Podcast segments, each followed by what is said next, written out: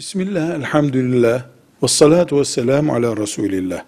Bukhari'de ve Müslim'de rivayet edilen bir hadis-i şerifte Resulullah sallallahu aleyhi ve sellem Efendimiz kadınların hakkından, hukukundan, görevlerinden söz ederken وَلَا تَأْذَنْ ف۪ي بَيْتِهِ illa biiznihi.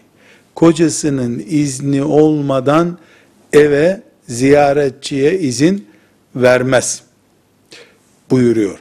Bundan anlaşılıyor ki erkeğin kadın adına gelecek ziyaretçileri sınırlama hakkı söz konusudur. Yani erkek bu evde filancalar seni ziyarete gelebilir, filancaların gelmesine izin iste vermiyorum diyebilir. Kadınlar bunu şöyle uygulamalıdırlar.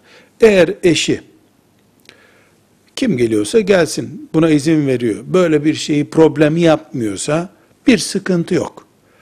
İsteyen ziyaretçi gelip onu ziyaret eder. Akrabaları veya başka arkadaşları gelebilir. Hayır.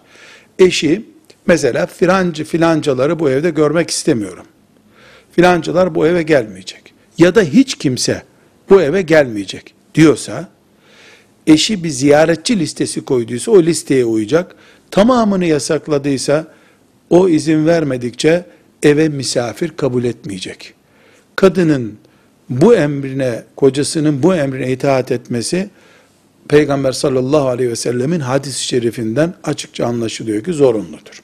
Sadece alimlerimiz, kadının annesine ve babasına yasak getirse bile erkeğin yani kocasının bu yasağın hükmü yoktur şeklinde kayıtları vardır.